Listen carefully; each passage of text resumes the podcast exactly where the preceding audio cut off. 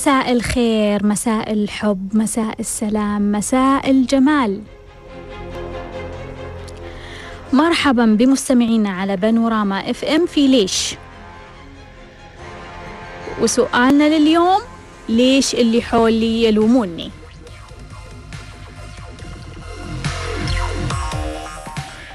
ليش اللي حولي يلوموني على سلوكي على فكري على مشاعري؟ ليش؟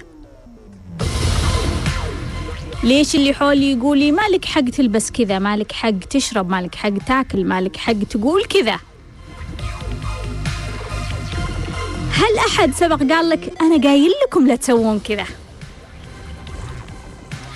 أنا قايل لكم لا تروحون للمكان الفلاني. ليش يلومني الآخرون؟ لأنه أنا انعكاس للآخر فأنا ألوم نفسي طوال الوقت في الداخل. ليش يلوموني؟ لأن هناك رسالة تقول لي توقف عن لوم الآخرين فلما تلوم الآخرين طوال الوقت راح يطلعون في وجهك ويلومونك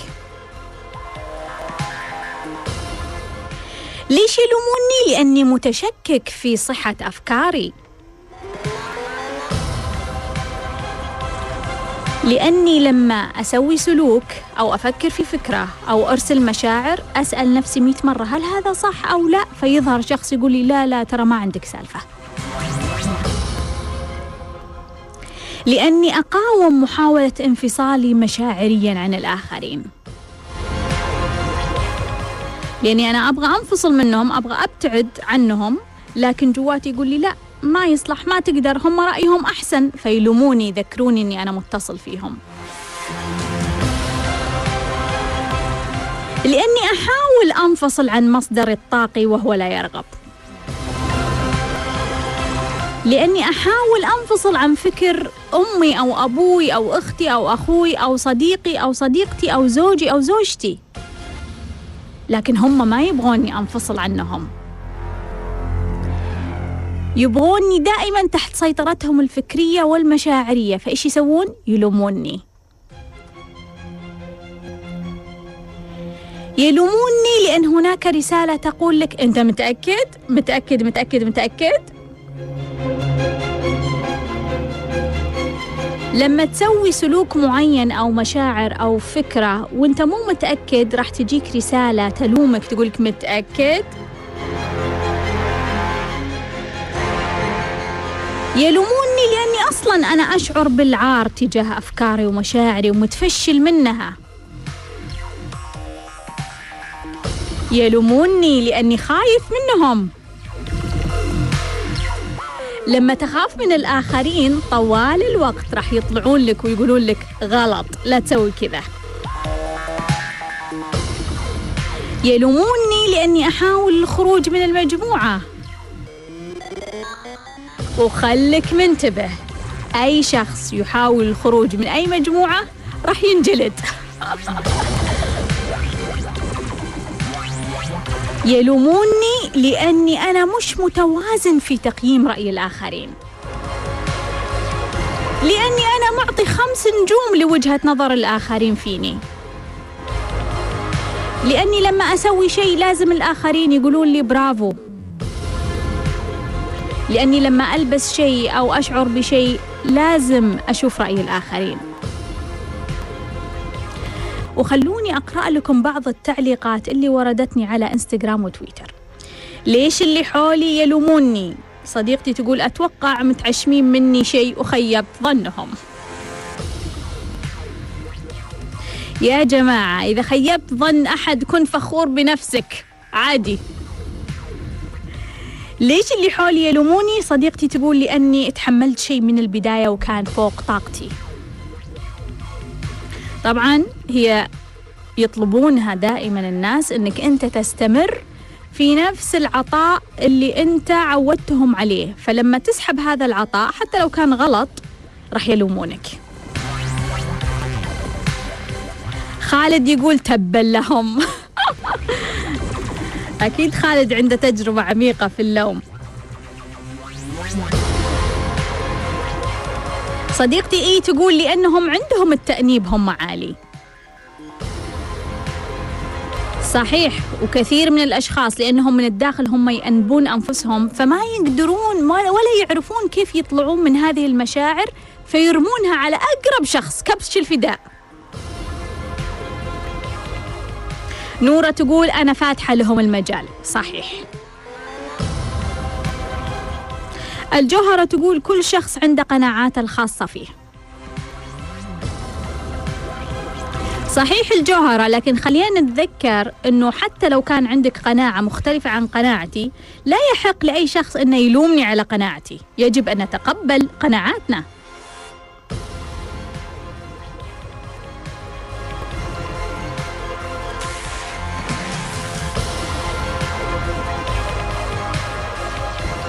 صديقتي تقول انعكاس للي بداخلي وخوفي من النقد.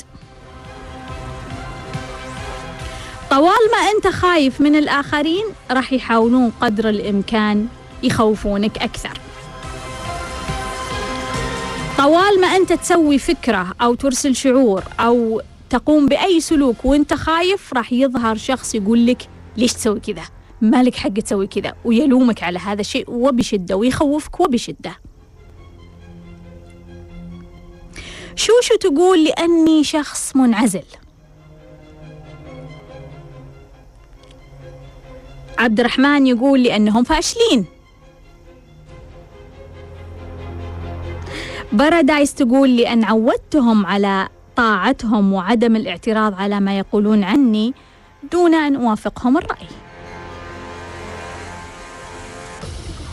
وهذه دائما تحصل لما يكون عندي أحيانا طفل هو عايش في بيت أهله ودائما يتلقى منهم الأفكار والمشاعر والأوامر وينفذ كل شيء. لما يكبر ويبدأ شوية يعني عنده أفكار جديدة عنده آراء جديدة يلومونه أنه هو تغير عليهم.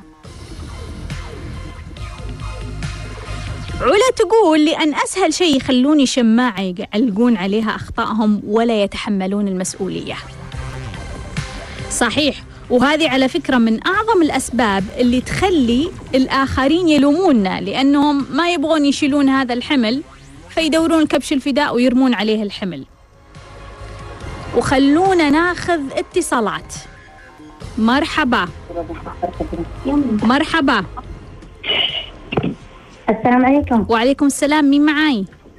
آه مساء الخير دكتورة شيخ طارق أنا زينب الناصري. أهلا وسهلا يا زينب حبيبتي شرفتيني. إيش سؤالك؟ الله يزيد فضلك. آه دكتورة آه عندي سؤال بخصوص الثراء، آه يعني أنا دخلت كرمة ثراويات العام وطبقت كل شيء فيها تقريبا. بس آه يعني أطلقني ب إن أنا أحصل على وظيفة وكذا وسعيت يعني. آه سويت سيرتي ورحت قدمت. يعني يعني يقولوا لي يردون علي. أما بنرد عليك وكذا وما داني رد. أو إنه والله عشان الجنسيه أنا غير سعودية آه خليجية يعني مقيمة هنا. و فماني عارفة يعني أبدأ باحتمالي الأفضل ولا أنتظر شوي؟ أنا حابة أبدأ بالتدريب. وانت وجدتي احتمالك الأفضل تعرفين احتمالك الأفضل. صحيح اي صحيح. إيش هو؟ بس يعني أنت في يعني في مجال الوعي أو مجال الصحة الجسدية يعني. أنا هذا الاهتمامات عندي الاثنين هذه من زمان يعني من سنين. آه وإن كنت ببدأ ممكن بالوعي الجسدي أكثر يعني. أحس اني أنجح وأسهل علي هو الأسهل. امم هو الأسهل. امم امم بس دكتورة انت تقولين أفضل الشخص بعدين أنت طلعتي في الوظائف وقلتي أفضل إن الشخص يعني يبدأ بالوظيفة وبعدين يدخل في مشروع. امم طيب خليني أقول لك يا زين كذا أنا بغيت يعني إن أبدأ بموضوع الوظيفة أول. طيب خليني أقول لك. أه أه طيب عندي سؤال ثاني إذا ممكن. سمي. أه دكتورة بخصوص يعني أه تربية الأطفال وكذا أنا يعني عندي طريقة غير يعني مختلفة شوي عن اللي حولي بموضوع الأطفال وكذا لما عرفت عن التطعيمات آه عندي بنتي صغيرة بطلت يعني أنا أكمل لها تطعيمات مم. وعارفة أنه بيصير هذا عائق بخصوص التعليم في المستقبل يعني بعد سنتين ثلاث سنوات لأنهم رابطين التعليم بالتطعيم الحين مم. ويعني أبوها عنده اعتراض يعني على أي شيء أقوله ب... من هالناحية يعني أي شيء يعني, يعني أسويه بخصوص تربيتهم والأفكار هذه جدا ما تعجبه يعني مم. فماني عارفة أنا كيف أتصرف الحين وحتى يعني ودي أنا نيتي صراحة ما أدرسها يعني التعليم عادي يعني أقول إن شاء الله تعليم منزلي ال home schooling كان وأعرف إن في ناس في الخليج كثير طبقوا الموضوع هذا. بس أنا يعني من خلال اتصالي هذا ودي إن أنا أعرفهم شخصيا. إلى الآن ما أعرف إلا ناس في أمريكا أو بريطانيا. مطبقين ال home schooling يعني مع أطفالهم كذا. ف يعني يعني إذا أي أحد آه، يقدر يفيدني بهذا الموضوع أكون شاكرة بعد. طيب. آه، أنا حسابي بتويتر زينب الناصري زينوبيا 369 حبيبتي زينب شرفتيني. شكرا. الله شكراً جزيلاً. ما قصرت حبيبتي. زينب حبيبتي تقول إنها حضرت كارما الثراء وبعدين قررت أطلقت نية الثراء وبعدين قامت تبحث على وظيفة ولا جاها أي رد ولا حصلت على أي وظيفة. وهي طلع عندها الاحتمال الأفضل مرتبط بالوعي الجسدي. فهي تقول إنه انت سبق قلتي إنه الوظيفة اولا يعني قبل فكرة المشروع. صحيح. بس خليني أقول لك يا زينب لما تطرقين باب خذوها قاعدة يا جماعة. لما نطرق باب والباب ما ينفتح خلاص. هذه رسالة واضحة إنه الباب مش تبعي. بس ها يا زينب خليك منتبهة. ترى أنا ما أعرف إذا أنت فعلا طرقتي باب الوظيفة بشكل جيد ولا لا. يعني أنت مثلا جنسيتك مش سعودية فعندك صعوبات لكن هل يعني فعلا فعلا إنه أنت ما حصلتي وظيفة ولا أنت قاعدة تتشرطين؟ هذا شيء ثاني. هل يعني تقولين لا أنا لازم في المكان الفلاني لازم وظيفة بالطريقة الفلانية لازم وظيفة بالراتب الفلاني؟ فبالتالي كل هذه تخلي لك إنه البيبان مفتوحة بس أنت لا تبغين الباب الذهبي تبغين الباب ال- ال- الدائري تبغين الباب اللي يعني مزركش بال- باللون الفلاني. يعني التعقيدات تجي من جوا فأنت تسكرين على نفسك الأبواب. فهذا شيء لكن كوني إني أنا تقبلت أي وظيفة لكن ما جتني ولا وظيفة فهذه رسالة واضحة تقول لي stop ستوب طرق الباب لأنه أنا مكاني مش في هذا المكان. الآن زينب أنت عارفة احتمالك الأفضل وعارفة أنك أنت تقدرين تشتغلين في مجال الوعي الجسدي؟ ابدأي. ابدأي بأبسط طريقة وبأسهل طريقة. لا تبدأينها كبيرة ومعقدة لا تطبين على طول وتقولين للناس أبغى فلوس لا. الناس تحتاج إلى أنها تثق بالأشخاص وتحتاجين يمكن تدرسين تحتاجين تتخصصين تحتاجين فعلا تكونين قوية في هذا المجال حتى تاخذين المبالغ اللي أنت تستحقينها. الموضوع الثاني قضية تربية الأطفال. أتمنى أنه في أشخاص سمعوك وسمعوا احتياجك لموضوع الدراسة في المنزل وإذا في أحد ممكن يعني يقول لنا عن هذا الشيء. ممكن يتواصل معي على إنستغرام. يعني أكيد هذه فكرة جيدة وثرية للأطفال.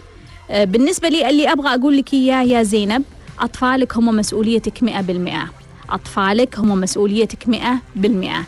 أنت مسؤولة أمام الله وأمام القانون وأمام نفسك وأمام المجتمع عن هذول الأطفال. سوي الشيء اللي فعلا يرضي ضميرك. وخلونا ناخذ اتصال. مرحبا. مرحبا. ألو السلام عليكم. وعليكم السلام. أهلا وسهلا من معاي؟ الله يعطيك العافية دكتور معك ماجد من الرياض. الله يعافيك. أهلا وسهلا ماجد تفضل. آه الله يزيد فضلك. آه دكتور أنا مشكلتي بسيطة إن شاء الله. إيه. آه اللي هي أنا أواجه آه ناس كثير لكن المشكلة إني آه يحبون يحب التملك. أنا خصصت لك الموضوع وإن شاء الله إنك فهمتيه. امم فما أدري إيش إيش ال- وبالأخص إني أنا مكان يعني أقدم شروحات فيعني كثير ناس يجون يعني أشكال أستغفر مو أشكال معليش. يعني ناس كثير يمرون علي امم فترة ويروحون فيحبون يحب التملك. أنا أستغرب من الشيء هذا. وش أنا- فعلك أنت يا ماجد لما يصير هذا الشيء؟ بالبداية أنا لما يعني أرتبط مع أحد يعني أصدقاء جدد أو شيء زي كذا يعني تمام الأمور. لكن بعدين لما أشوف إنه يحب التملك معليش يعني يا دكتور هذه مي حياه امم فيعني أحس تهرب.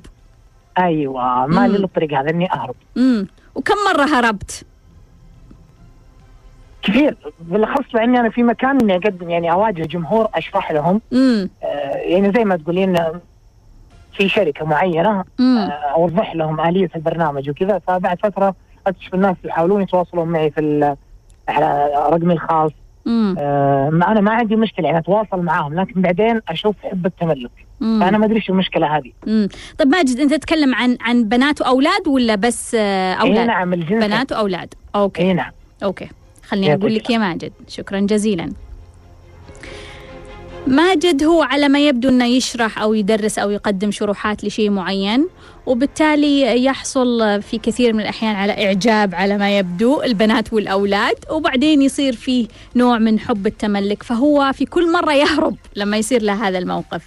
طب ماجد أنا أقترح عليك إنك تجرب المرة الجاية إنك ما تهرب لأنه في رسالة عندك تحتاج إنك تفهمها. أعتقد إنه أنت عندك جذر في الطفولة قديم يذكرك بهذا التملك إنه هذا يعني شيء مخيف بالنسبة لك. شيء مرعب شيء يحرمك من أشياء يسبب لك أشياء يسبب لك لخبطة. فأنت اللاوعي هو قاعد يحميك اللاوعي هو قاعد يقولك لا أهرب أهرب الآن. لأنه خلاص الآن أنت بيتقفل عليك. فأنت اللاوعي عندك يتذكر شيء من الماضي. فأنت قاعد تهرب طوال الوقت. ماجد أنت يا أما أنك تقوم بعملية تنظيف وتطلع هذا الجذر اللي في الداخل وتتحرر منه أو أنك تغير الاستراتيجية. لا تهرب. واجه الحقيقة. شوف إيش اللي بعد حب التملك. شوف إيش المواقف اللي راح تصير لك. إيش التحديات. راح تكتسب مهارات جديدة راح يكون في صعوبة راح يكون في خوف بس أنت قدها. وخلونا ناخذ اتصال. مرحبا. مرحبا. مرحبا. أهلا وسهلا من معاي؟ أهلين دكتورة كيف حالك؟ خير وعافية من معاي؟ أه أنا اسمي زينب. أهلا وسهلا يا زينب. حبيبتي. تفضلي.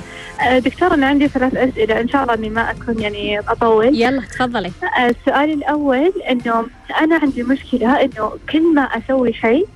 يعني في الحياة يعني لازم لازم أتعب فيه. يعني مثلا أبغى أدرس لازم يصير عندي مشكلة في القبول لازم يصير عندي مشكلة في الدراسة نفسها.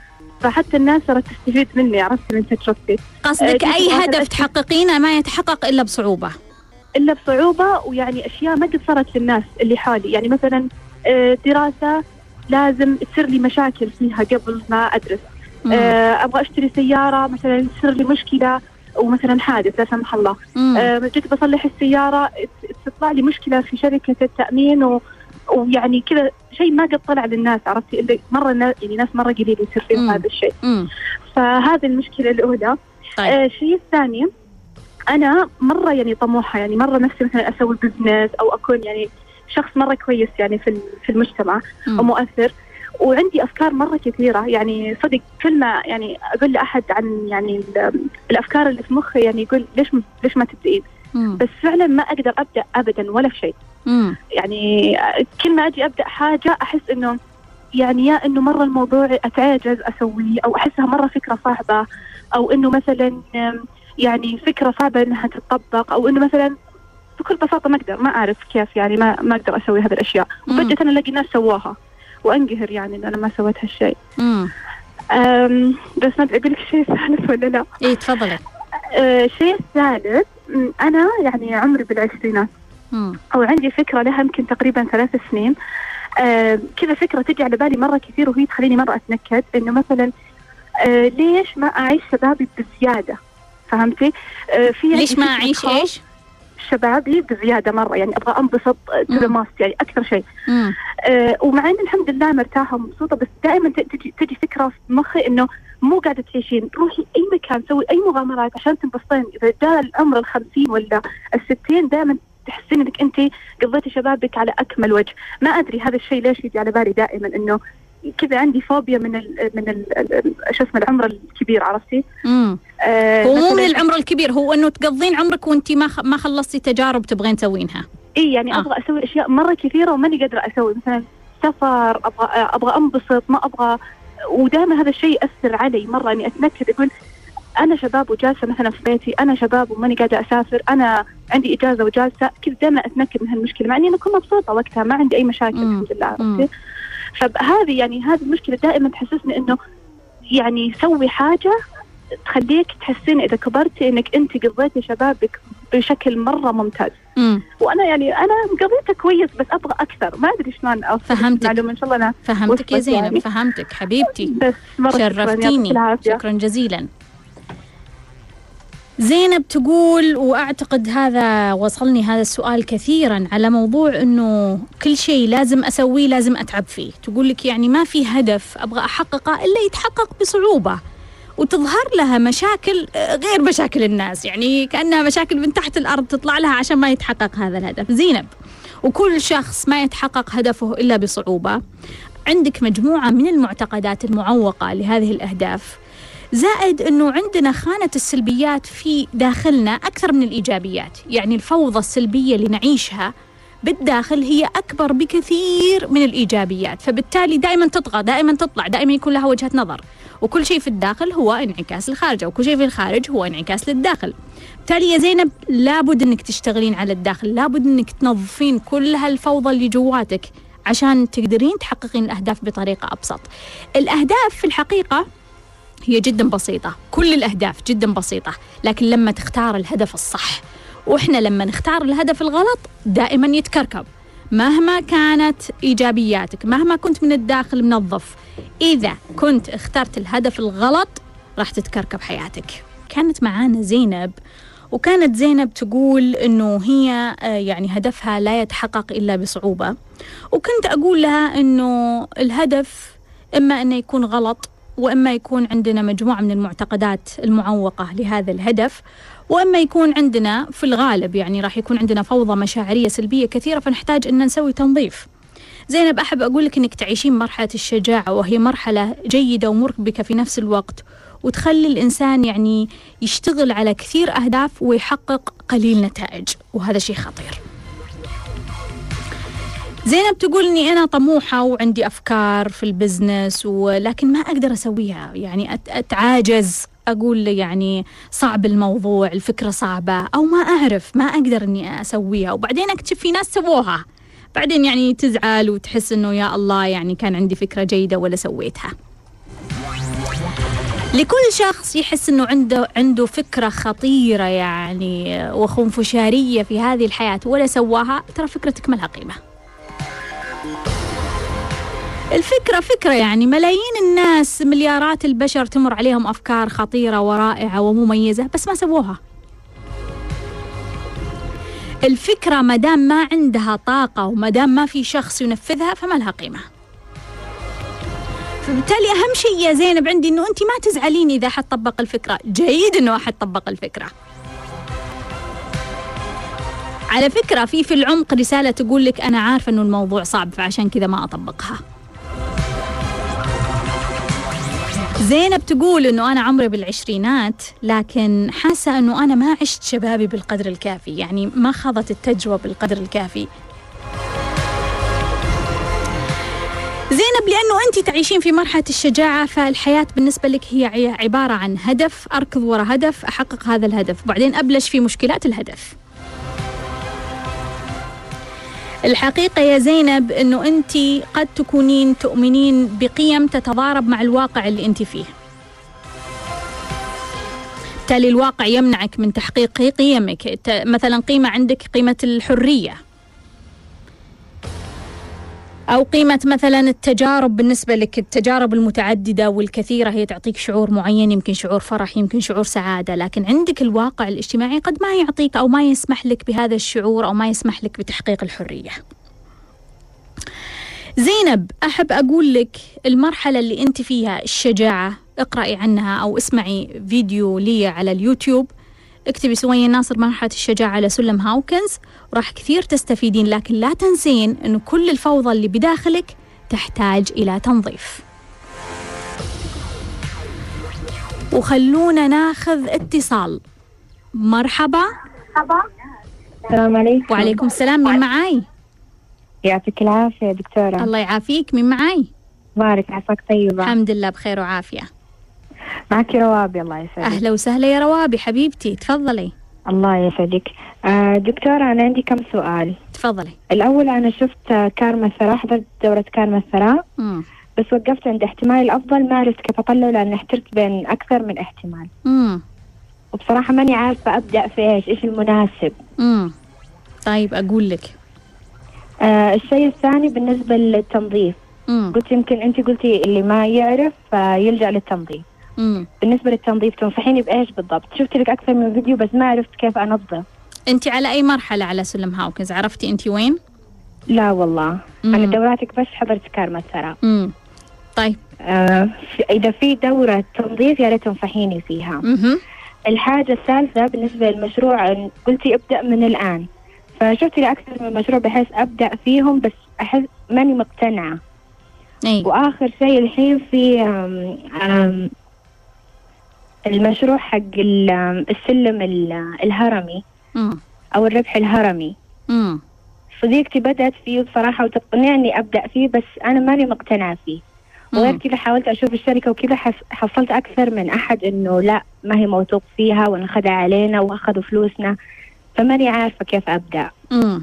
مشروعي أوكي الحاجة الأخيرة. معليش طولت عليك تفضل أنا دائما يعني بالنسبة للارتباط أو بالزواج أجذب الرجال المتزوجين. يعني أكثر اللي يتقدموا لي ويكونوا جادين متزوجين.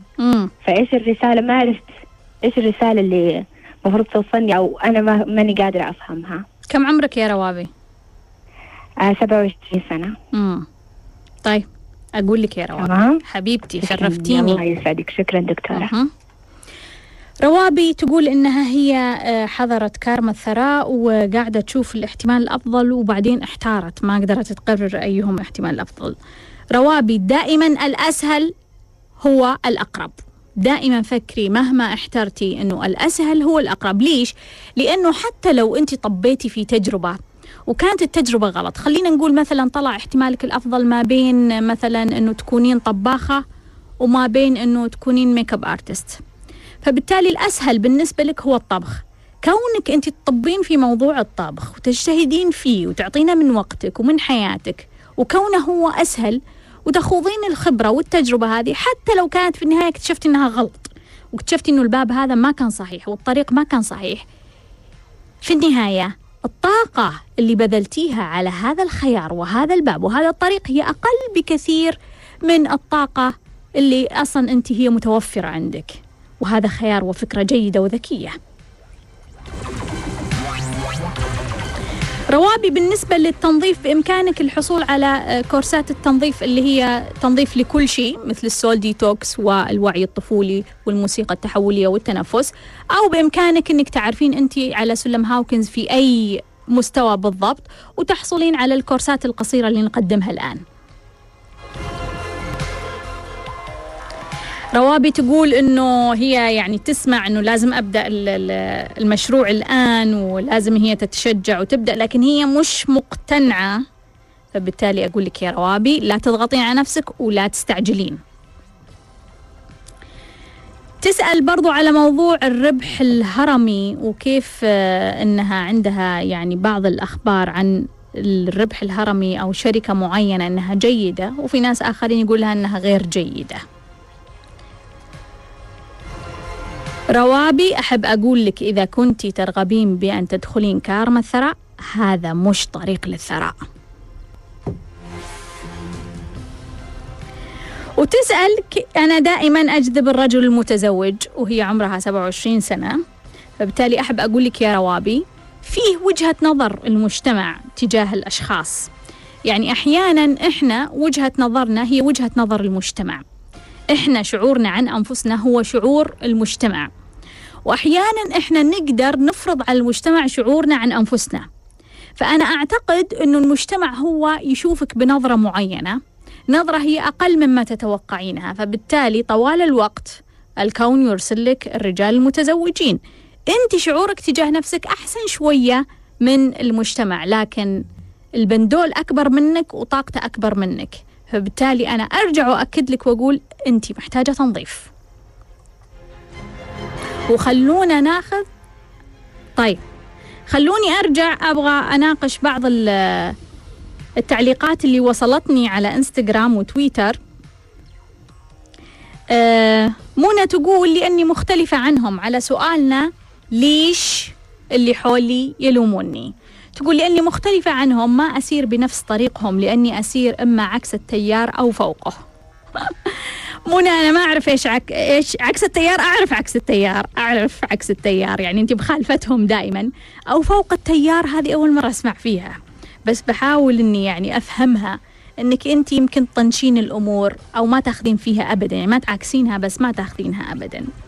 طبعا إحنا متعودين إحنا في مجتمعاتنا متعودين إنه الحقيقة واحدة والفكرة واحدة والرأي واحد ووجهة نظر واحدة. فلما أحد يقول فكرة ثانية أو طريقة ثانية مثل ما تقول منى أنا اصير عكس التيار أو أجيب فكرة ثانية أو أقول رأي ثاني أو ألبس بطريقة مختلفة الناس في الغالب يلومونك. وعلى فكرة اللوم هو آه، وجهة نظر أو طريقة الوعي الطفولي لما هو يقود المركبة لما الطفل يقود مركبتك دائما أنت راح تستنكر المختلفين. لما الطفل يقود مركبتك دائما أنت راح تقول ليش هذا لابس مختلف عني؟ ليش هذا يقول فكرة مختلفة عني؟ ليش هذا سلوكه غير؟ ليش هذا شعوره غير؟ ودائما الطفل يعتقد أنه إحنا لازم كلنا نكون مثل بعض. برضو عندي نهى تقول لأني لا أثق بنفسي. وصحيح تتداخل موضوع التأنيب والثقة يتداخل لأنه على فكرة مش الموضوع بس في الداخل لا أيضا في الخارج. يعني نهى لو أحد لامك في الخارج ورديتي عليه وقلتي له والله لا أنا مقتنع بالفكرة.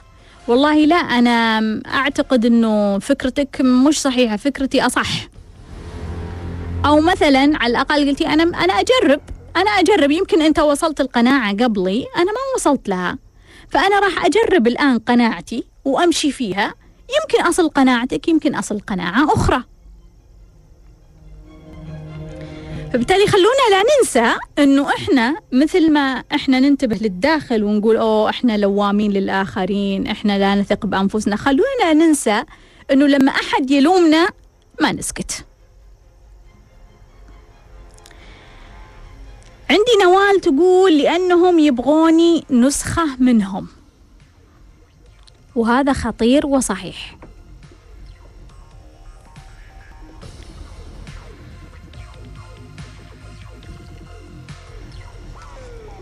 يبوني نسخة منهم يا نوال؟ هذا صحيح. لأنه كثير من الأشخاص يعتقدون أنه إحنا جايين في هذه الحياة عشان نكون نسخ مكررة بعض ونقلد بعض. أنا أقلد أبوي أبوي يقلد جدة جدة يقلد جد جدة وهكذا. كأنه عندنا نسخة إحنا قاعدين نطبقها من ملايين السنين وما يصلح إن إحنا نغيرها أو نجتهد فيها أو نعدلها أو نطورها وأي تغيير حتى لو كان تطوير يستفز الآخرين ويستفز المجموعة. خلوني أذكركم بأرقام التواصل. صفر واحد واحد اثنين ستة ثمانية تسعة واحد اثنين اثنين. وخلونا ناخذ اتصال. مرحبا. مرحبا. أهلا وسهلا مين معاي؟ آه معك رانيا. أنا سعيدة كثير إنك رديتي علي. حبيبتي أهلا وسهلا رانيا. تفضلي. شكرا. آه دكتورة أنا سمعتك في واحد آه واحد من البث تبعك إنه حكيتي إنه في آه في اسمه الروح طفلة. فأنا بدي أسألك إنه أنا عندي شخصيتي طفلة فهي يا ترى هدول الاثنين مرتبطين ببعض؟ لأنه أنا عندي صعوبة بال بالربط والاستنتاج أو فهم التلميحات. وكمان صعوبة بالمجاملة بالمجتمع. ف... فبلاقي كثير صعوبات بحياتي وخاصة لما بدي واجه المجتمع برا يعني أتعامل مع الناس بسبب شخصيتي كطفلة يعني. مم. وهذا سبب لي كثير مشاكل ومثل ما بيقولوا آه آه طاحت الدنيا على راسي بسبب هذا الموضوع. آه حاولت أعمل تنظيف بس آه لما أفتح الكاميرا وحاول أحكي شو زعجني فما لقيت شيء اقوله يعني. ضليت ساكتة ما بعرف ليش. آه ما بعرف بس أنا لأنه يمكن عندي سهولة بالغفران يعني أي حدا بيسأل لي بكفر بسرعة وبنسى الموضوع. آه ف مع إنه عمري يعني فوق الأربعين بس لسه بعاني هاي المشكلة. آه كمان بدي أسألك سؤال. أنا عندي مشكلة مع الأكل. من وقت ما كنت مراهقة كانوا يقولوا لي أنا حيفه كانوا يقولوا لي لازم تاكلي مشان تسمني فهلأ لما بدي آكل عندي معاناة دائما عندي غثيان آه ف فما بقدر آه ما بقدر يعني أتعامل مع الأكل. عندي مشكلة بالأكل. مم. مع إني تزوجت وصار عندي ولدين وزوجي ما عنده مشكلة بالنحافة لكن ضلت عندي هي العقدة. ضل عندي إنه أنا لازم أسمن. فأنا لهلأ وزني وانت تبغين تسمنين؟ يعني. يعني انت تضغطين على نفسك عشان تسمنين؟ بصراحة إيه أنا هذا مثل هدف معقدني ولازم أحققه بأي طريقة بأي آه. ثمن يعني لازم لازم أسمن آه بدي أقول لك بس إنه مصفوفة القيم لما سويتها ساعدتني كثير في موضوع الشخصية الطفلة يعني خلتني شوي أقدر أتوازن أو أو فرق بين الخير والشر مثل ما بيقولوا اللي اللي بيكون حوالي امم ممتاز. مم. شرفتيني يا رانيا. مم. خليني أقول لك شكرا. شكرا دكتورة شكرا. عفوا أهلا وسهلا. رانيا تقول إنها آه، سمعتني أتكلم عن روح الطفلة وهي شخصيتها طفلة فتقول هل هناك علاقة بينهم؟ مش بالضرورة يا رانيا لكن من المحتمل هي تقول إنه عندها يعني صعوبات في الحياة تحس إنها ما تقدر تربط بين الأمور تحس إنه هي شخصيتها طفلة خليني أقول لك يا رانيا شخصية الطفلة اللي هي شخصية ال- ال- الجسد والسلوك والمشاعر والأفكار هذا شيء لأنه في كثير من الأحيان يخرج الطفل اللي بداخلنا ويقود المركبة. فلما الطفل الوعي الطفولي هو اللي يقود المركبة إحنا راح نظهر بشخصية الطفل. وما مش عيب مش عيب ما يعيب أي إنسان أنه يظهر بشخصية الطفل لكن يعيب لما هذا الطفل يسوي أخطاء. وإحنا مخلينا يستمر في القيادة. لما هذا الطفل يضيع على نفسه فرص وإحنا مخلينا مستمر في القيادة. لما هذا الطفل يضيعك ولا يحقق أهدافك ولا يوصلك لنتائج معناها قيادة الطفل في هذه اللحظة غلط. طيب لازم نرجع الطفل ونخلي ال- الواعي البالغ هو اللي يقود. الروح الطفلة هي في الغالب روح جاءت بظروف معينة والمقصد من الروح الطفلة إنها روح ما عندها العمق أو لا تريد أن تجرب العمق. فبالتالي عندنا شخصيات قد تولد في ظروف جدا ممتازة زي ما نقول الشخصيات اللي يولدون في فمهم ملعقة ذهب وبعدين يستمرون طول حياتهم وهم يعيشون في هذا الظرف ال- الفاخر جدا. ظرف مريح هادئ حياة جميلة رائعة ما في أي منغصات ما في أي لخبطة حتى أنت لو تقعد معاهم وتشوفهم يعني ما عندهم منغصات ما عندهم شيء حتى في داخلهم يعني يقلقهم أو يربكهم. يعني حياتهم جدا جميلة وممتعة فهذه الروح الطفلة هي خايفة تجرب عمق الحياة. بالتالي ما جربتها فتأتي في أسرة أو في دولة أو في بيئة جدا مريحة وهادئة هذه أحد سماتها.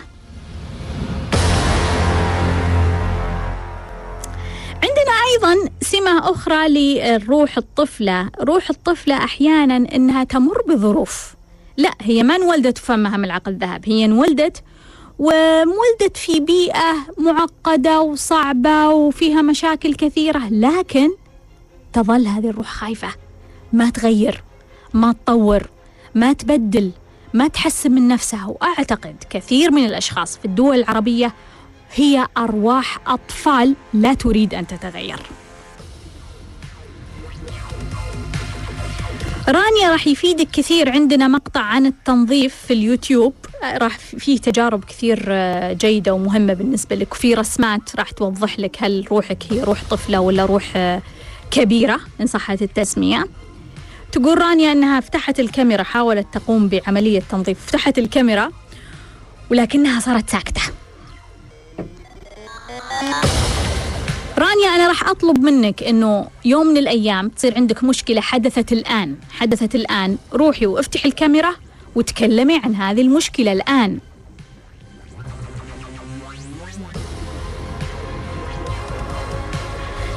خلوني أذكركم بأرقام الاتصال صفر واحد واحد اثنين ستة ثمانية تسعة واحد اثنين اثنين. مرة أخرى صفر واحد واحد اثنين ستة ثمانية تسعة واحد اثنين اثنين. رانيا تقول إن عندها مشكلة مع الأكل. وطول عمرها نحيفة وفي ضغط عليها إنه هي لازم تسمن لازم تسمن.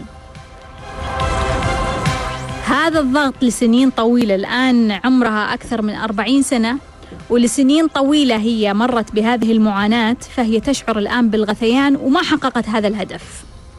خلوني آخذ اتصال بعدين أرجع لمشكلة رانيا. مرحبا. ألو؟ مرحبا. السلام عليكم. وعليكم السلام. اسمعني من التليفون. معليش أنا آسف. أنا حبيت بس أشكرك يا دكتورة وأشكر ال ال البرنامج الجميل هذا. حبيت أسلم عليكم. مين معاي؟ وبصراحة معك عبد المجيد. عبد المجيد. الرياض. أهلا وسهلا يا عبد المجيد. أنت قاعد تسمعنا في السيارة؟ إي نعم وراجع من الدوام وكل يوم أسمعك. وتعلمت منك أشياء حلوة كثيرة. الحمد لله ممتاز. طيب. وأتمنى أتمنى أتمنى جدا إنكم تستمرون. وأتمنى لكم التوفيق إن شاء الله. شكرا جزيلا عبد المجيد. شرفتني. شكرا جزيلا. معنا اتصال مرحبا.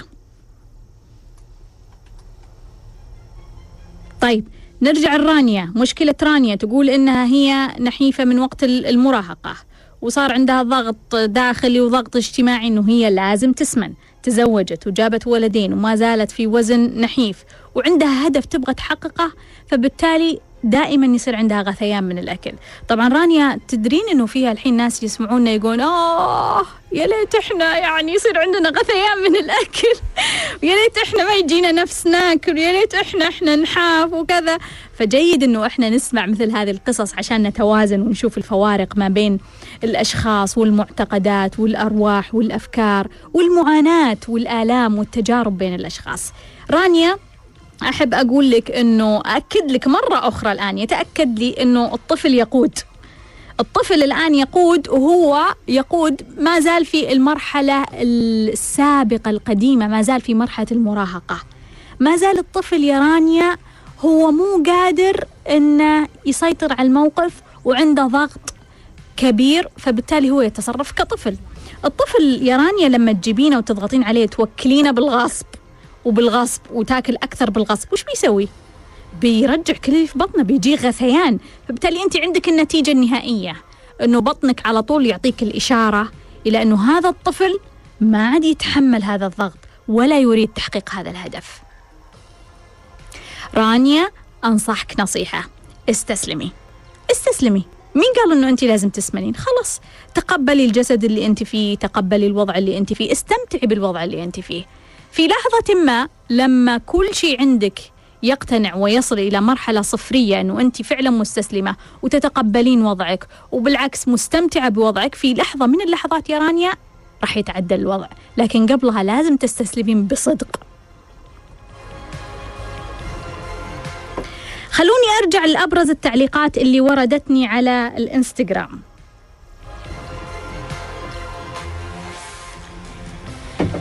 لوجين تقول لأني سمحت لهم يتدخلون بقراراتي على سؤالنا ليش اللي حولي يلوموني؟ تقول لأني سمحت لهم يتدخلون بقراراتي.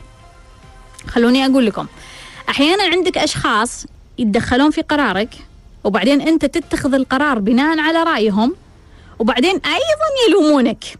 يقولك لا ليش سويت هذا الشيء؟ طب مو أنت قلت لي؟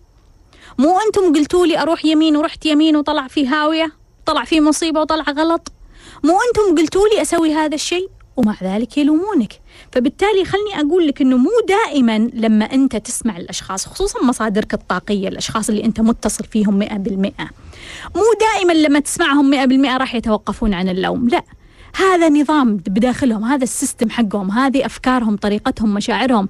أي خطأ أي مشكلة راح يبحثون عن كبش فداء ويلومونه. مش بالضرورة أنه لأنه أنت ما سمعت كلامهم. أيضا عندي أماني تقول يحبون اللوم والعتاب أي شيء صغير يلوموني عليه. ومن يوم كنت صغيرة ما أسمع ولا أرد عليهم وقراراتي لي وأنا مسؤولة عنها. خلونا ناخذ اتصال. مرحبا. يا هلا. مرحبا مين معاي؟ آه معك معا؟ معن اي معا أهلا وسهلا يا معن. تفضل. يا هلا فيك دكتور سمية. أهلا وسهلا. دكتورة آه آه شنو آه هذا الشيء اللي عموم البرنامج آه السؤال لكن جد هذا الشيء أنا أعاني منه. اللي هو؟ إنه شنو أنا دخلت في علاقة مم. وصارت مشاكل عائلية فيها. ابتعدت عنها وأنا لحد الحين يعني تقريبا لي شهرين. ولحد الحين يعني كيف تصير لي مشاكل نفسية من هذا الشيء مم. لأني اضطرابات نفسية ما أقدر أحقق أهدافي ما أقدر أسوي أي شيء مم. طيب معن أنت استسلمت للعائلة قصدك لأنه العائلة قالوا لك بعد عن هذه العلاقة فأنت نفذت اي استسلمت لهم يمكن كم مرة يعني مو يعني مو من يعني مو من مرة واحدة مم. فالمرة الثالثة هي كانت الأخيرة بالنسبة لي حاولت معهم. لكن خلاص وصدق يعني ما أقدر أسوي أي شيء ما أقدر مم. يعني ما أقدر أعيش حياتي فاهمة. فاهمه كيف الوضع. فهمتك يا معن. فهمتك. الله شكرا. جزيلا. عفوا لك يا معن يقول إنه هو عنده علاقة والعلاقه هذه سببت له كثير من المشاكل العائلية. فهو يعني أخذ مرة مرتين ثلاث مرات فقرر في نهاية المطاف إنه هو يترك هذه العلاقة. إيش اللي حصل لمعن لما ترك هذه العلاقة؟ شهرين يعاني من مشاكل نفسية وشعور سيء. وين المشكلة الأكبر؟ أنه معن الآن لا يستطيع تحقيق أهدافه. وأنا أتفهم جيدا عمق الألم لما أنت تنفصل عن شخص مهم عاطفيا بالنسبة لك. أتفهم قد إيش ممكن هذا يربك حياتك. وقد إيش ممكن هذا يجعل هناك عائق مشاعري وفكري كبير جدا من تحقيق هدف قد يكون مهم بالنسبة لك. معا أحب أقول لك عندك ثلاث خيارات. إما أنك تكون قوي وبطل وتقول لأهلك والله أنا ماشي في هذه العلاقة ماشي في هذه العلاقة عجبكم؟ أهلا وسهلا. ما عجبكم؟ يوم من الأيام راح يعجبكم. وأنا ما سويت غلط ولا سويت شيء حرام. بمشي في هذه العلاقة وبكمل وبتزوج. الخيار الثاني إنك أنت تقول خلاص أنا ضعيف وما أقدر أواجه أهلي ولا أقدر أكمل هذه العلاقة وليش أظلم هذه البنت معي؟ فأبغى أستسلم. فبالتالي معن لما تستسلم أنت تقول في نفسك خلاص ما في أمل. لما الواحد يدرك إنه ما في أمل ويستسلم كل شيء يتغير. لما أنت من الداخل تقول أنا استسلمت خلاص هذا الموضوع بالنسبة لي انتهى. باب تجربة جربتها وانتهت وقفلنا الباب في ملايين الأبواب في الحياة في مليارات الخيارات في الحياة مفتوحة لي. ليش أنا أركز على الباب المغلق؟ مشاعر كلها راح تتحسن. تركيزك على أهدافك وعلى الأبواب المفتوحة كلها راح تتحسن. لكن أنت ما زال عندك بصيص أمل وهذه هي المشكلة. فلا بد تفكر أنه أنا استسلمت ولا أبغى هذا الشيء وأنا ضعيف وما أقدر أكمل في هذا الخط الخيار الثالث يا معن أنك تتفاوض مع أهلك وتقعد على جلسة مفاوضات وتحاول بذكائك وبطريقتك إنك أنت تقنعهم وتوصل لنقطة معاهم إنه ترضي كل الأطراف.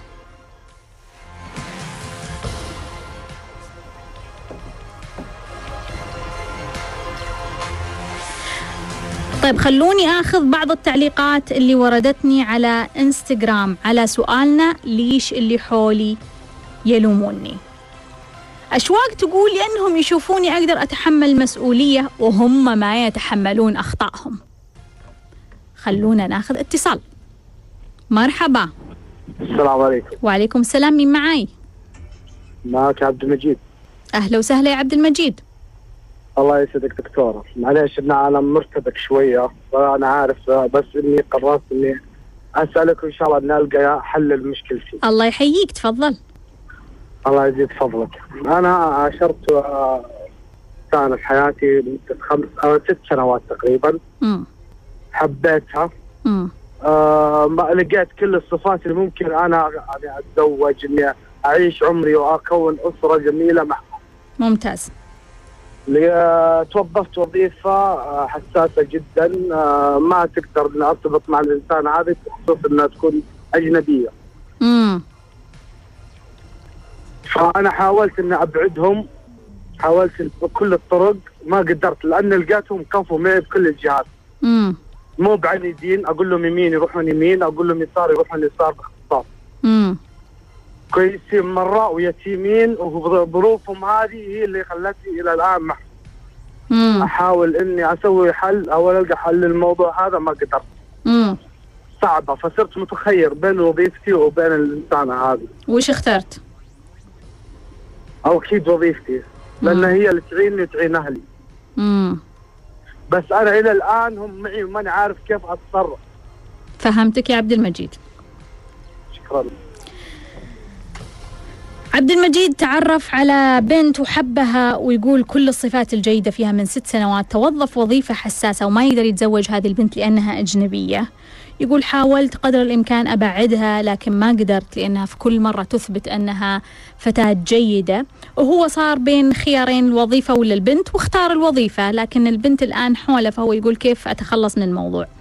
عبد المجيد أعتقد إنه الموضوع صعب ومتأكد إن الموضوع صعب. ست سنوات يعني يعني فترة زمنية مش هينة ومش سهلة على مشاعرك أو مشاعرها هي. أنا أعتقد رحمة بهذه البنت وإذا كنت تحبها بكل صدق امنعها تماما وسوي لها بلوك في كل مكان وقل لها أنا أعتذر منك وأنا آسف ولا في مستقبل لهذه العلاقة وخلها تتحرر. اقطع الأمل. اقطع الأمل يا عبد المجيد وأنت حتى تتعلم وتعلم نفسك أنك تقطع الأمل. لما تقطع عنها الأمل هي راح تنفتح لها ملايين الأبواب ولو تقدر تساعدها في شيء برضو ساعدها. أتمنى تكونوا استفدتوا واستمتعتوا ووصلنا لنهاية حلقتنا لليوم. وتذكروا الدنيا خضرة حلوة. إلى اللقاء.